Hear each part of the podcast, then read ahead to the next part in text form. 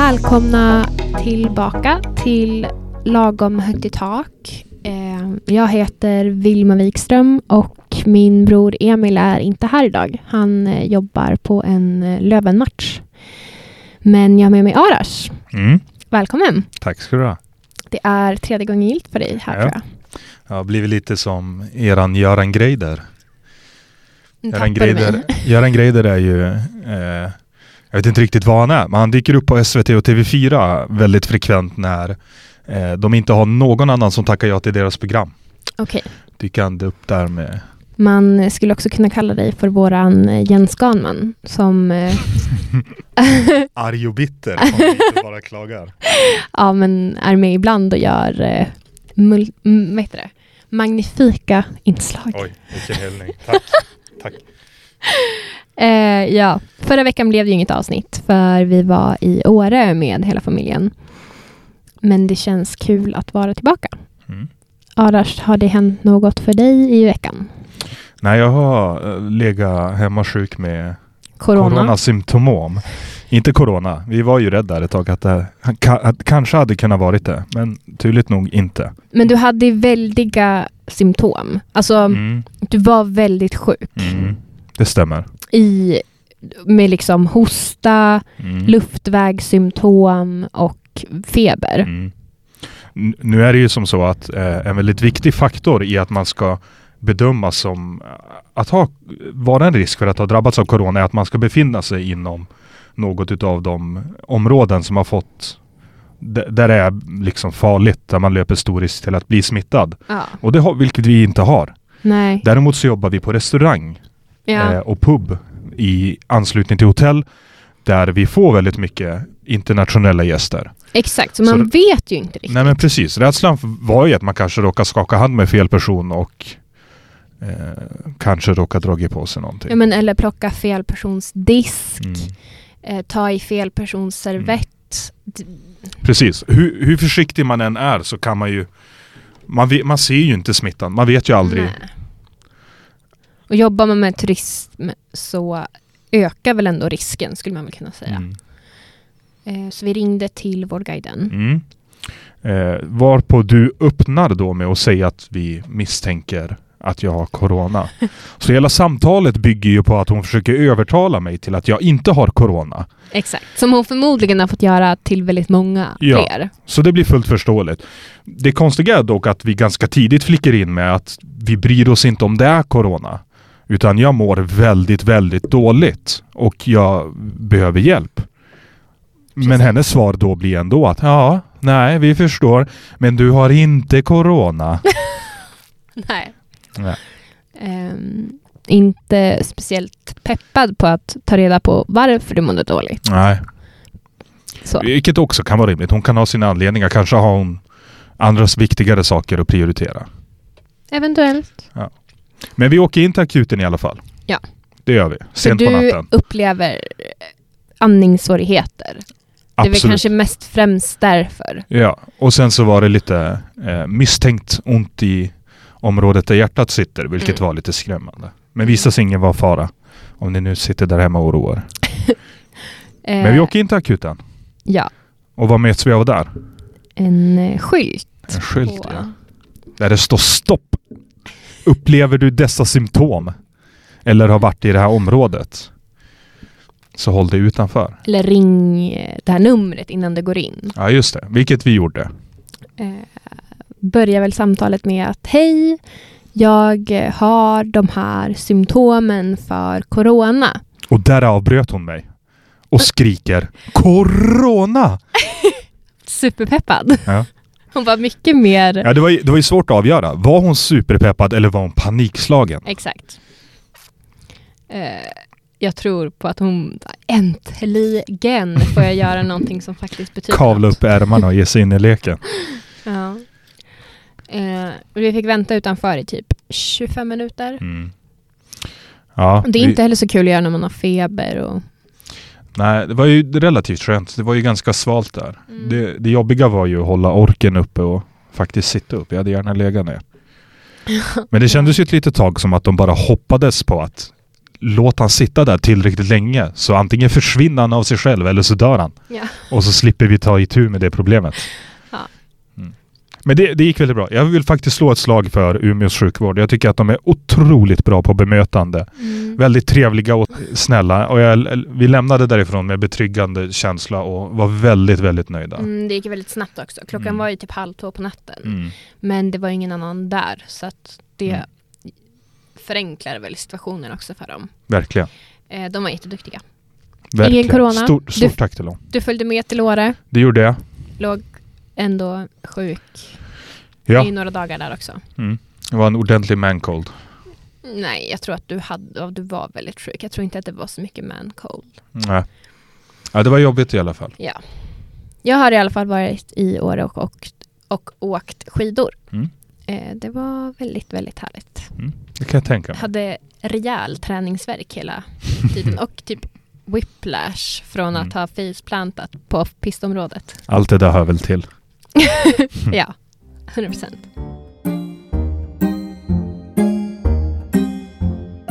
Jag tänkte att vi skulle prata lite om eh, lillbrorsan Erdogan. Varför kallar du han för lillbrorsan?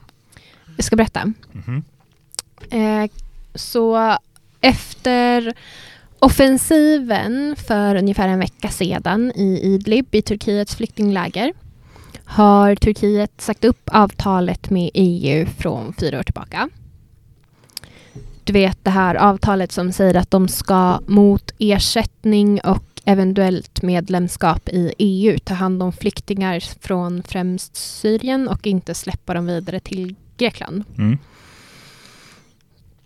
EU har eh, betett sig som ett stora syskon som inte låtit sin lillebror Turkiet vara med och leka.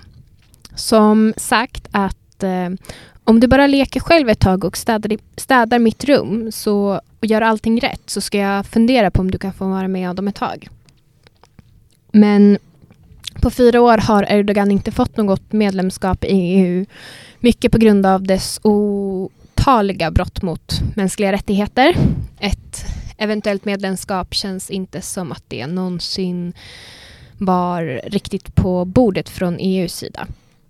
Mm. Eh, nu har väl lillebror Turkiet typ insett att medlemskapet och att eventuellt få leka med storebror EU bara varit ett lockbete för att utföra jobbiga sysslor. Mm. Det blir lite, alltså det är ganska tydligt om man tittar på hur EUs kommunikation har fungerat till Turkiet och kanske Turkiet till EU att båda har på pappret sagt att de gärna vill ingå ett samarbete Mm. men att ja, EU de, det är väldigt få EU-länder som i dagsläget vill släppa in Turkiet till ett medlemskap. Mm. Och eh, jag läste någonstans att det även för Turkiet kanske mest handlar om att det är många av dess befolkning som gärna vill komma närmare Europa. Mm. Eh, sen vet jag inte om den skulle fungera i praktiken. Jag tror att det är väldigt många lagar som hade behövt ändras i Turkiet om ett sådant medlemskap skulle gå att genomföra. Så är det väl definitivt. En utav de lagarna fick vi väl eh, Sverigedemokraternas partiledare smaka på nu senast i hans Turkietbesök. Ja, Där eh, de då har en lag som gör det eh, svårt för man måste alltså som, som parti, om man vill då sprida information om ett visst, sitt eget parti eller andra partier, först sökas tillstånd hos staten mm. innan man gör detta. Det är då en form av eh, censur man har tillämpat för att kunna begränsa informationen som nås ut till medborgarna. Ja alltså jag håller med. Eh, däremot så fungerar det ju på liknande sätt i Sverige också. Man måste inte söka tillstånd för att dela ut flygblad men man måste ju söka tillstånd om man, i alla fall hos polisen ifall man vill ha torgmöte eller demonstration eller någonting. Stora folksamlingar och Exakt. precis. Nu är det ju en stor folksamling där redan i och med att det är en flyktingförläggning. Mm. Men eh, ja, precis. Mm. Det är absolut en eh, form av censur. Mm. Ehm, Lite intressant, lite intressant fakta är ju eh, man har försökt mäta eh, olika etniciteter på vars folk kommer ifrån Ja. med de här människorna som för övrigt Turkiet har bussat med Ja. militär hjälp till Greklands gräns. Eh, där man då har sett ungefär 10% utav de som befinner sig i området är syr eller flyktingar från eh, kriget i Syrien. ja, jag tror väl att det var när flyktinglägren startade som det var i regel syrier. Mm. Nu vet jag faktiskt inte. Nej. Eh, till 10% har man sett att det är den typen av flyktingar. Man har mätt mycket större andelar från till exempel iranska flyktingar, Mm. afghanska, somaliska och andra delar av Afrika. Eh, Kommer är- de, alltså nu, förlåt min okunskap, Mm. men kommer även afrikanska flyktingar från, eller genom Turkiet? Mm. De kommer väldigt olika vägar, men bland annat Turkiet. Just det.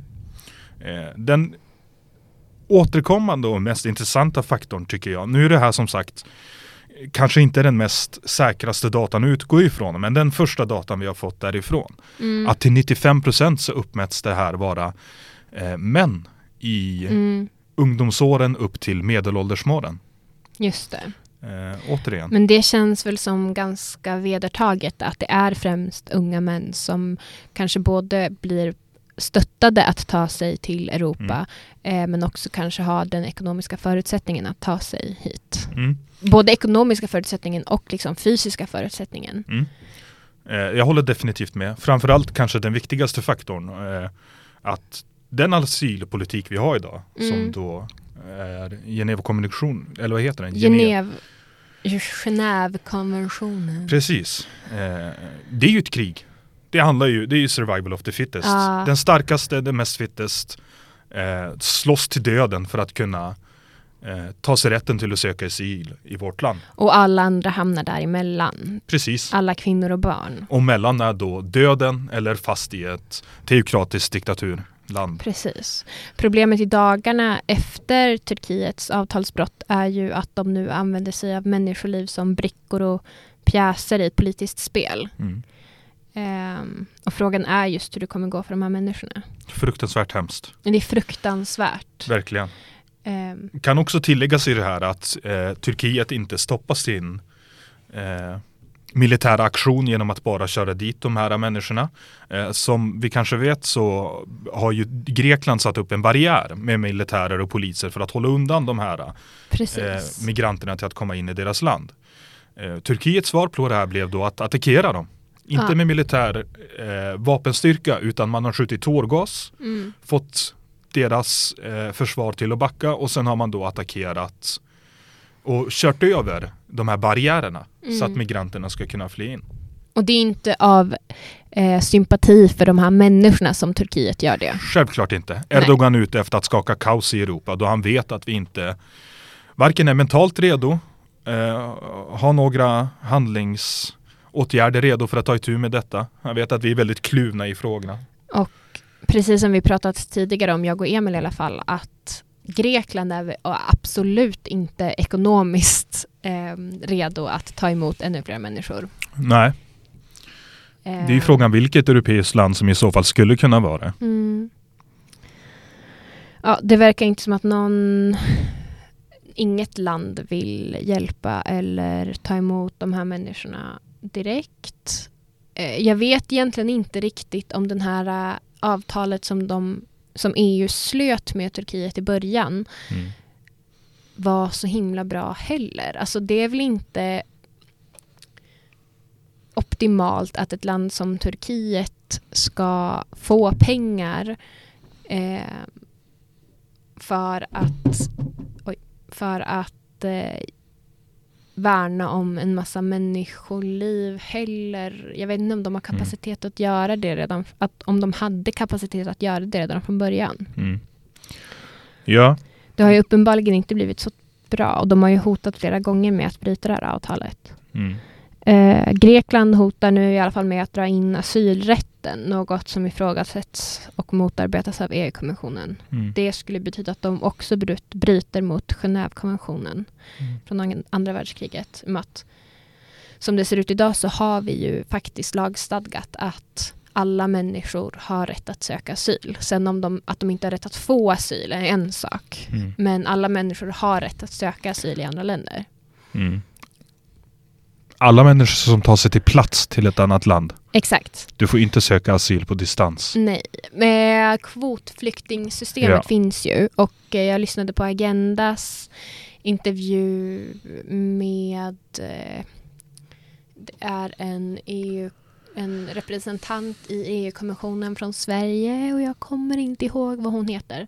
Men hon pratade om att vi har tagit emot 26 000 flyktingar via ett kvotflyktingsystem, alltså Mm. Sverige. Eh, vilket inte är så jättemånga i sammanhanget, Mm. men det är ändå många människor. Mm. Eh, men jag vet inte om kvotfly- kvotflyktingsystemet utgör 5% eller någonting av Mm. Alla som säger sig behöva räddning. Mm.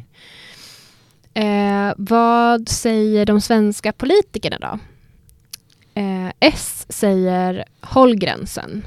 M säger stärk gränsen. Den bilden av Ulf Kristersson har vi ju sett. Det var ju den som drog igång det här med en politiker med den här citatet, Mm. citatremsan på. Och då säger S håll gränsen, M stärk gränsen och SD stäng gränsen. Som vi också har sett, det du pratade om tidigare med Jimmy som åker dit och delar ut broschyrer. Precis. Eh, vissa går som sagt längre än andra för att sprida ordet om att Sverige är stängt. Och många håller inte med men eh, kanske har dessa tre aldrig varit mer enade i frågan i alla fall. Så är det.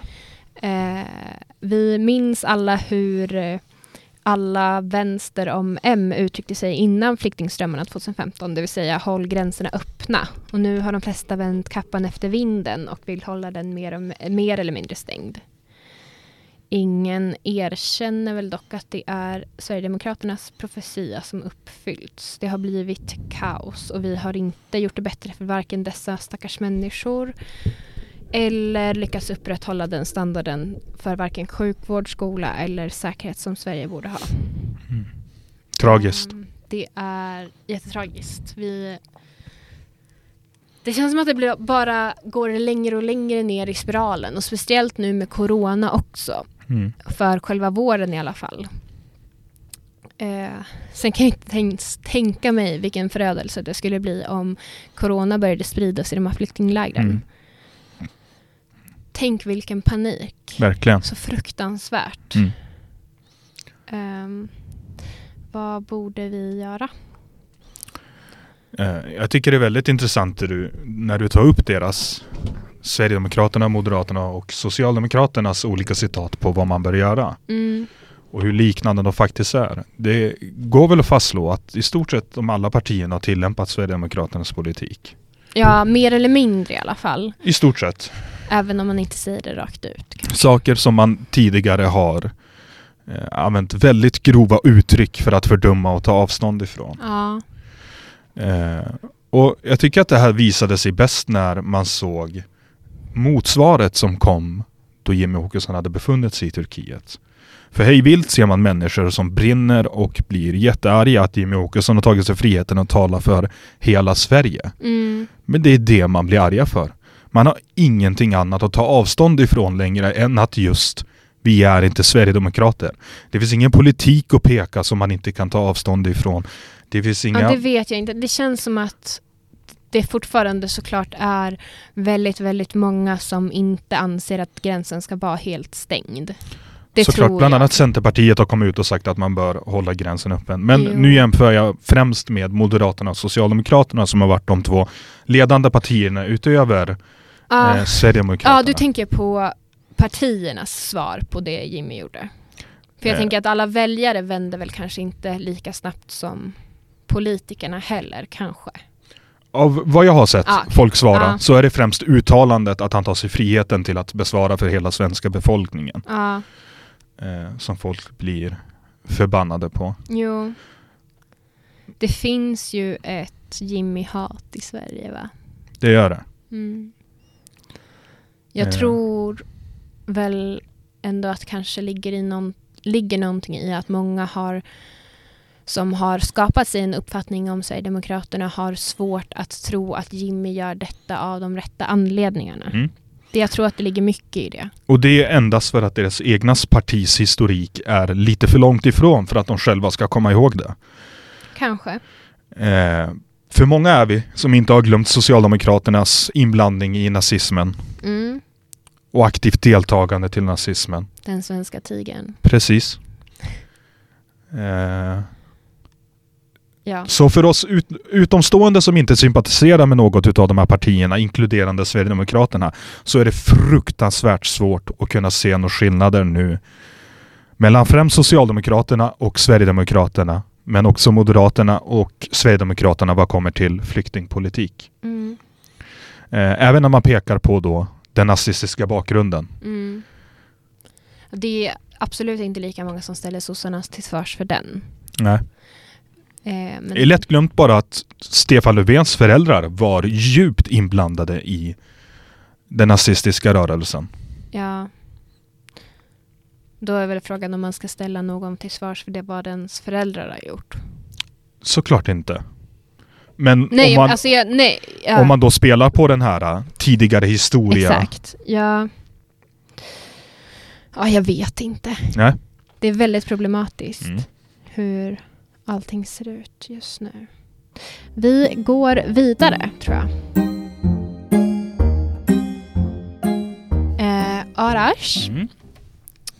i eh, går så tittade jag på en eh, agendasändning Mhm. eh, och de eh, intervjuade SAS VD Ja, just det. Kring coronavirusutbrottet. Vi tar det igen, Mm. corona. Det är så Aktuellt. aktuellt, jag vet inte. Som Spännande. Emil, spännande. Som, Skrämmande. som Emil sa för några veckor sedan att det är we're all in it together, det är lite mysigt. Eh, men det går inte bra för SAS. Undrar om det är något land som är helt befriat från... Inte i EU i Nej. alla fall. Nej. Har jag sett. Men, eh, eller inte i Europa, men det är väl eh, säkert. Jag tror inte att det har nått Antarktis. speciellt många länder i Afrika. Mm. Ehm, så. Ehm, men det går inte bra för SAS, uttrycker han, deras VD. Han eh, visar stor oro för att det kommer bli en krasch i deras ekonomi. Men eh, pratar om det på ett sätt som gör att han försöker låta som att de har väldigt mycket liquidated, heter det väl va? Flytande Likvida medel. likvid... Ja. Han, att de har lite att röra sig med då, så att Mhm. säga. Men han verkade väldigt orolig. Mm. Ehm, hela programmet på SVT blir nästan en eh, reklamkampanj med goodwill för SAS som helt fritt får klaga på att människor är för försiktiga och eh, deras ilska mot att folk avbokar resor som inte går till riskområden. Mm. Eh, han menar att det inte är logiskt och att man enbart borde följa UDs rekommendationer för vart man bör och inte bör resa. Jag vet inte. Det är inte som att UD har varit legat i framkant när det gäller eh, liksom stoppandet av coronaviruset. Så jag tycker inte att det är så konstigt att folk tar det här i egna händer. Men han säger att eh, de socioekonomiska konsekvenserna kommer att bli större om företag förlorar pengar än konsekvenserna för själva viruset. Mm. Vilket det kanske kan ligga någonting i. Men jag vet inte, de flesta kanske hellre har kvar sin gamla mormor än att förlora en massa pengar. Än att få åka en charterresa till Spanien. Ja, förhoppningsvis. Ehm, jag förstår i alla fall att man hellre liksom avbokar en resa med en massa mellanlandningar på stora internationella flygplatser under rådande virusutbrott Mm. utan botemedel än att chansa bara för att just det landet som är slutdestinationen inte har corona. Mm. Eh, han kändes väldigt butthurt. Och det finns väl inget annat att känna i en sån här situation. Jag menar det är klart det är jobbigt för en om han vad var det du sa, han var VD Jag tror att han var Ja. det. och, och man ser stora ekonomiska förluster i sitt företag. Däremot kan man ifrågasätta vad han går ut och säger. Jag tycker att det är väldigt rimligt att folk är oroliga, känner sig lite nojiga och paranoida och tycker att det är fullt friskt att vara lite överparanoid i en sån här situation där man inte riktigt vet den fullständiga skalan av hur farligt det egentligen kan bli. Nej, vi vet faktiskt inte det än. Och det känns som att det finns fruktansvärt lite att luta sig tillbaka i och mot i betryggande information. Då bland annat eh, Tegnell som då är eh, vår högst uppsatte inom eh, Folkhälsomyndigheten Ja. kommer ut och säger för några dagar sedan att vi redan har nått kulmen. Då vi var dag ser hur Det ökar spridningen typ till ökar. 60 fall varje dag. Ja, och hur, hur tar man då den här informationen som kommer när man ser raka motsatsen Ja, i samhället? Han har ju för övrigt åkt till Somalia nu okej. och lämnat Sverige. Han har att, satt sig själv i karantän. I Somalien. Ja. Nej men han åkte dit för att hjälpa med något bidragsprojekt och så vidare. Ja. Nej men det känns... så Just i och med också att det är så många av de länderna som faktiskt är inblandade, liksom Iran, Sydkorea och Kina, Mm. som inte kanske lyser av genomskinlighet när det Mm. kommer till vad som offentliggörs och Skulle även vilja lägga till Sverige i den listan. Mm. ja, eventuellt. Eh, så är det inte så konstigt att man snarare är försiktig i förhand än efterhand. Mm. Men nu har i alla fall Folkhälsomyndigheten i Sverige gått ut med att det är inte låg, inte medel, utan hög risk för smittospridning i landet. Jajamän. Väldigt hög. Mm. Eh, men frukta inte, kära lyssnare, för de har även delat en video på hur man tvättar sina händer. Eh, luta er tillbaka, ta in den här extremt eh, svåra liksom, informationen och eh, tänk på det här nästa gång som du har varit. Ta fram papper och penna. Ta fram papper och penna nu. Mm. Tvätta händerna och minska risken att bli sjuk. Tvätta händerna i ungefär 30 sekunder. Skölj händerna. Använd tvål. Tvåla in händerna ordentligt. Glöm inte ovansidorna. Mellan fingrarna och tummarna. Skölj och torka noggrant.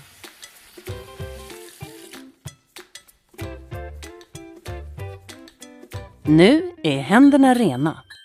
Vad härligt. Mm.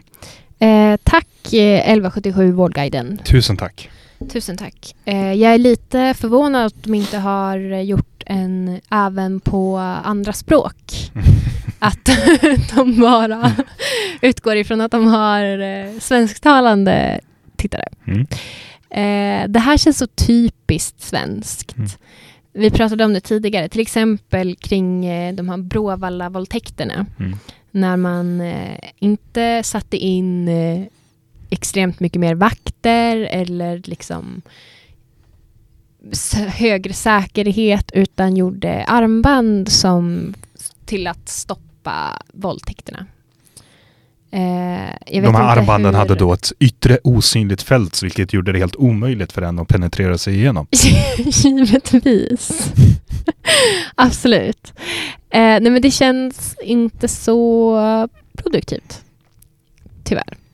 Det känns som hela Sveriges bemötande kring olika hemska situationer är väldigt lågaffektiv. Eh, ja, det är väldigt byråkratiskt Mm. och så här, eh, Vi ska prata lite mer om det senare tänkte jag. I eh, söndags var det 8 mars. Vilken dag är det Arash? Första torsdagen på mars. Nej, det, var i söndags, älskling. Eh, internationella kvinnodagen. Ja just det, såklart. Eh, för några år sedan åkte jag eh, också skidor i Åre och hade på mig en vit t-shirt där jag och Astrid hade ritat bröst på. Mhm. Var det också på internationella kvinnodagen då? Ja, Mhm. sjukt ballt. Mm. Eh, jag tänkte att vi skulle prata lite om saker som borde göras för kvinnor, som faktiskt skulle hjälpa, som skulle göra kvinnor och flickor fria och jämställda mannen och saker som inte gör det. Mm. Eller i alla fall enligt mig inte gör det. Eh, den första grejen som faktiskt skulle hjälpa är att göra skolan mer jämlik. Hur menar du då? Eh, jag tänker så här. Eh, alla barn i Sverige ska gå i skolan. Alla barn i världen bör, gå, bo, bör få en chans att gå i skolan. Eh, alla ska skaffa sig en utbildning för utbildning är det som sen kan ge dig frihet Mhm. som människa, göra dig till en egen person. 130 miljoner flickor i världen enligt eh, Rädda Barnen går inte i skolan. Oj. 130 miljoner. Eh, många på grund av väldigt tidiga giftermål, tvångsgiftermål då i de flesta fall, extrem fattigdom eller att deras föräldrar inte ser värdet i att en dotter går i skolan. I Sverige syns problemet mer och mer, kanske inte på grundskolenivå, men förra sommaren var det 44 barn som enligt SvD, alltså Svenska Dagbladet, inte kom tillbaka till skolan efter sommarlovet. Fruktansvärt. I de flesta fall flickor och i de flesta fall misstänker man att dessa blivit bortgifta respekt i respektive hemland. Eh, det är så extremt fruktansvärt. Otroligt sorgligt. Kan tilläggas att eh, även pojkar får åka på de här resorna. Eh, de blir i många fall inte bortgifta utan det kallas för uppfostringsresor. Där man Ja. anser att ens sö- söner har blivit för, försvenskade. Så man skickar dem på upp, upp, uppfostringsresor eh, till hemlandet. Men Mm. de får sedan återkomma. Eh, Det är så, ja, man blir alldeles matt. Eh, låt oss göra något åt detta så att inte fler flickor försvinner i sommar. Eller Mm. pojkar såklart. Eh, som, eh, så sent som förra året, 2019, beslöt Sveriges regering att inte längre erkänna barnäktenskap som, inle- som inletts i andra länder. Eh, vi minns eh, ett annat affektivt medel att eh, läxa upp befolkningen. De här eh, broschyrerna som skickades ut för några år sedan till dig som är gift med ett barn. Ja men just det. Eh, den bestod av en mängd märkliga formuleringar när det enda som borde ha stått är eh, sluta genast tro att du är gift med det här barnet och leave the child the fuck alone, ajöken. Följt på med ett fängelsestraff. Följt med ett fängelsestraff, givetvis. Ah! Jag blir nästan äcklad av, nu blir jag påmind när du berättade om hur nästan gulligt framställd de här personerna på framsidan av broschyren var. Verkligen. Som att det är en barnhandbok Ah. för vidriga män som har betvingat sig på minderåriga barn. Ja. Ah, jag blir skrikarg. Och det är ju faktiskt också, får man inte glömma, föräldrarna till barnet som har varit med på det här beslutet. Såklart. Oftast i alla fall. Ehm, så det är många som är med i de här besluten. Mm.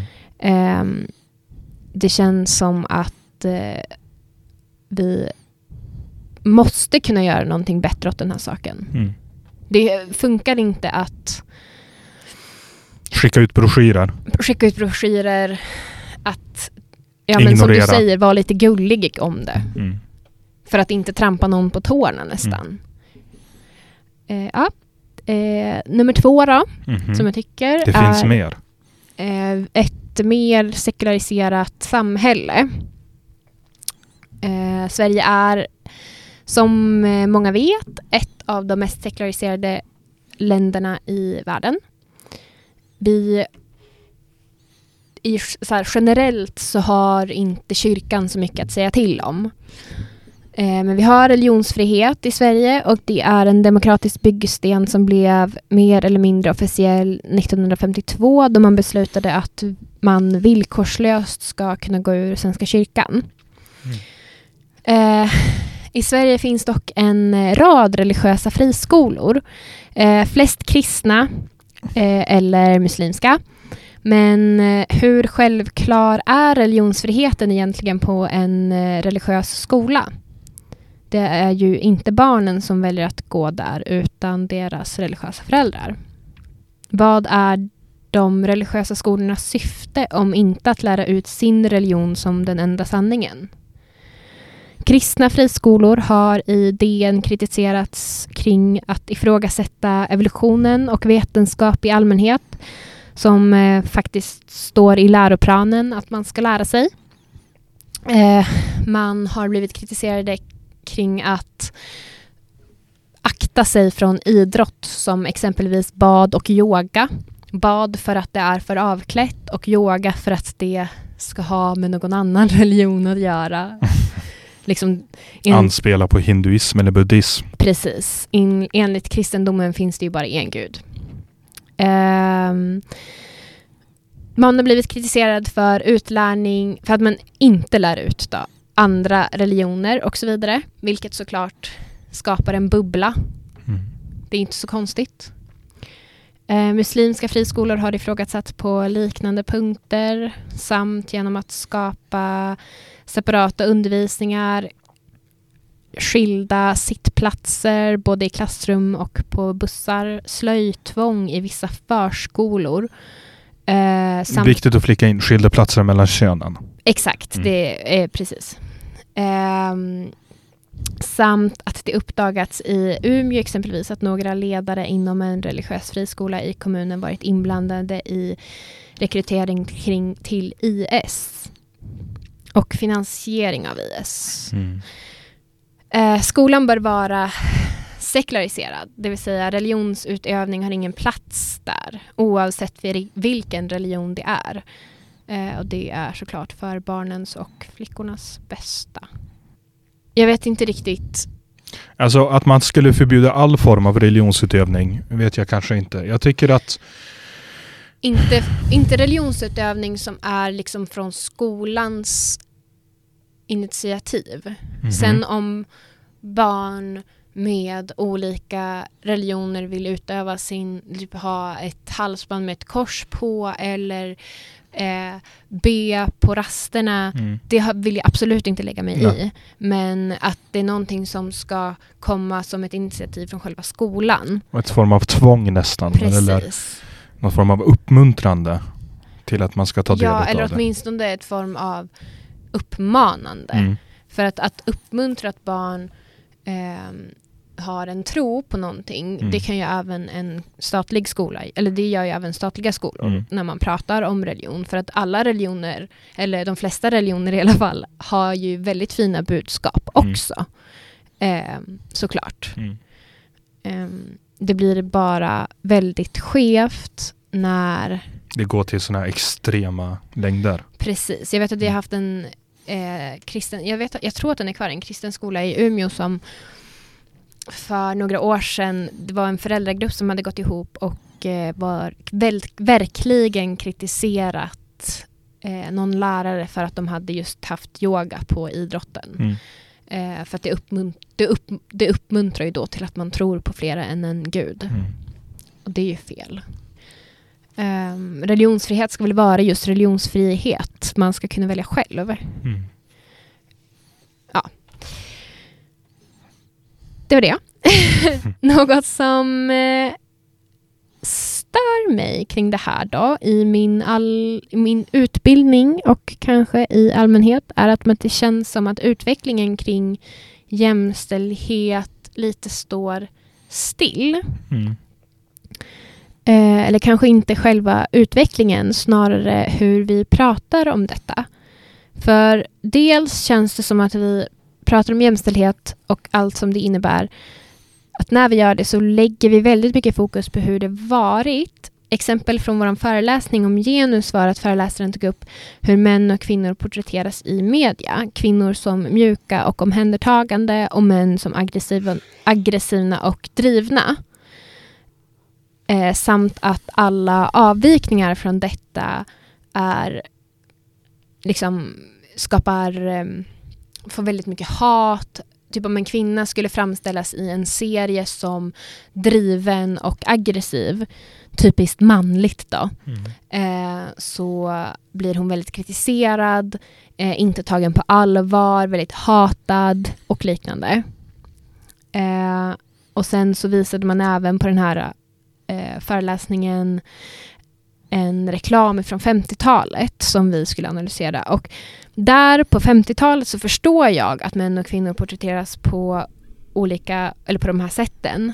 Men idag är det ju ändå annorlunda. Jag förstår inte riktigt syftet i att hela tiden älta liksom det som har varit och hur fel det har varit för att man beskriver en sån negativ syn, ett så negativt synsätt på kvinnor och bara antar att eh, det här är normen när jag tycker mig se att det absolut inte är så längre. Mm. Eh, man, det känns så himla vedertaget att kvinnor liksom historiskt i media har beskrivits på ett speciellt sätt. Men att vi faktiskt inte gör det längre. Mm. Och att då borde man snarare lyfta det som har blivit bra. Och jag vet inte, fortsätta lägga fokus på det vi kan fortsätta utveckla istället mm. för att lägga fokus på sånt som historiskt varit fel. Jag mm. vet inte. För mig känns det inte så produktivt. Nej. Förstår du vad jag menar? Jag förstår absolut vad du menar. Det är lätt att man blir kvar i den lilla hatiska cirkeln och alltid klaga på det dåliga som har varit istället för att ta sig upp ur den och jobba sig framåt. Ja, precis. Um, och liksom, så här, jag säger jag menar inte att det är 100% jämställt överallt i, i Sverige heller. Men på något sätt måste man ändå kunna lyfta blicken lite och se att så här, ja, men vi har det ändå så här pass bra här. Mm. Eh, I alla fall jag som liksom etniskt svensk kvinna har det väldigt, väldigt bra här. Mm. Eh, och det kanske är andra som vi borde lägga fokuset på hellre än mig. Mm. Eh, ja, det tänkte jag lite på kring 8 mars nu som var för att det var det är väldigt många som postar det här och du ska inte säga grattis till mig som kvinna på internationella kvinnodagen. Det är som att säga grattis till ett svältande barn på internationella världsfondsdagen eller något mm. sånt där. Och eh, nej, absolut. Men så det finns väldigt mycket grejer som är bra med att vara kvinna också. Och om man hela tiden ska så här, säga att det är eh, generellt negativt att vara kvinna och att vi bara har en massa motgångar hela tiden, då blir ju det kvinnliga någonting negativt också. Mm. Vilket inte, alltså det finns ju supermycket bra grejer med att vara kvinna och man måste kunna höja de grejerna som är generellt kvinnliga också om det ska Självklart. kunna bli accepterat. Alltså jag, ah. jag, jag är en sån hemsk man som alltid säger grattis på kvinnodagen. Inte till mig. Det var kanske för att jag råkade glömma att det var kvinnodagen. Nej, ingenting. Eh, jag har alltid sagt grattis. Och det är som du beskriver, en ren hyllningsform. Exakt, du säger inte grattis till... För att du är en kvinna. Jag säger grattis för att du är en sån fin människa. Exakt. Och kvinna. Precis. Exakt. Och, eller hur? Och man behöver inte blanda ihop det, att det ska vara grattis till att du får utstå så mycket förtryck. Mm. Eh, eller så här, grattis till att ditt väsen är eh, historiskt underordnat det manliga väsendet, mm. typ. Utan det blir ju mer så här... Ah, ja, men, jag tror med, att du förstår Med den logiken menar. så skulle man aldrig få säga grattis med någon som har fötts in i ett socioekonomiskt utsatt område. För det enda man gratulerar en till är att vara fattig, sjuk, inte ja. lika bra som alla andra. Exakt. Låga förväntningar. Mm. Uh, ja, jag håller med. Ska vi lämna det där? Ja. Jag känner att jag har rantat klart. Mm. Lätta på hjärtat. ja, vad händer i veckan, Arash? Oj. Eh, preppning av coronavirus. Oh. Eller? Ja. Jag tycker, alltså jag är lite konfunderad. Jag är hur, på. Hur, hur, allvarligt ska man ta det här? Men nu tycker jag att det känns som att det börjar bli läge för att man ska rusta för att man eventuellt kan bli hemmasittande i någon vecka. Ja. Och ha eh, förnödenheter för att kunna klara av det. Precis. Eh, jag var ju en av dem som, eh, kommer du ihåg det, köpte mm, handsprit mm. när man först fick höra talas om corona. Mm. Och Jo då, nu säljer folk dem på Tradera och Blocket till höga priser. Men jag köpte dem billigt på apoteket. Nej men, skämt åsido, inte ska vi preppa för corona hela veckan. Sen eh, har jag hört talas om att man inte ska berätta för någon om man faktiskt preppar. Så vi får väl... eh, Varför ska man inte det? ehm, därför att, jag vet inte, det är så kutym inom preppers communityt att man gör det i sin tystnad. Okej. Jag är väldigt ny inom den här communityn så jag ber om ursäkt för alla hardcore prepper. Eh, jag tror att vi avslutar där. Det har eh, varit jättetrevligt att du ville vara med Arash. Tack för att jag fick vara med. Eh, så ses vi nästa vecka och eh, glöm inte att följa oss på Instagram och nu finns vi som sagt även på Podcaster i Podcaster-appen och där poddar finns, brukar man säga. Lagom högt i tak heter vi på Instagram. Puss och kram! Hej då.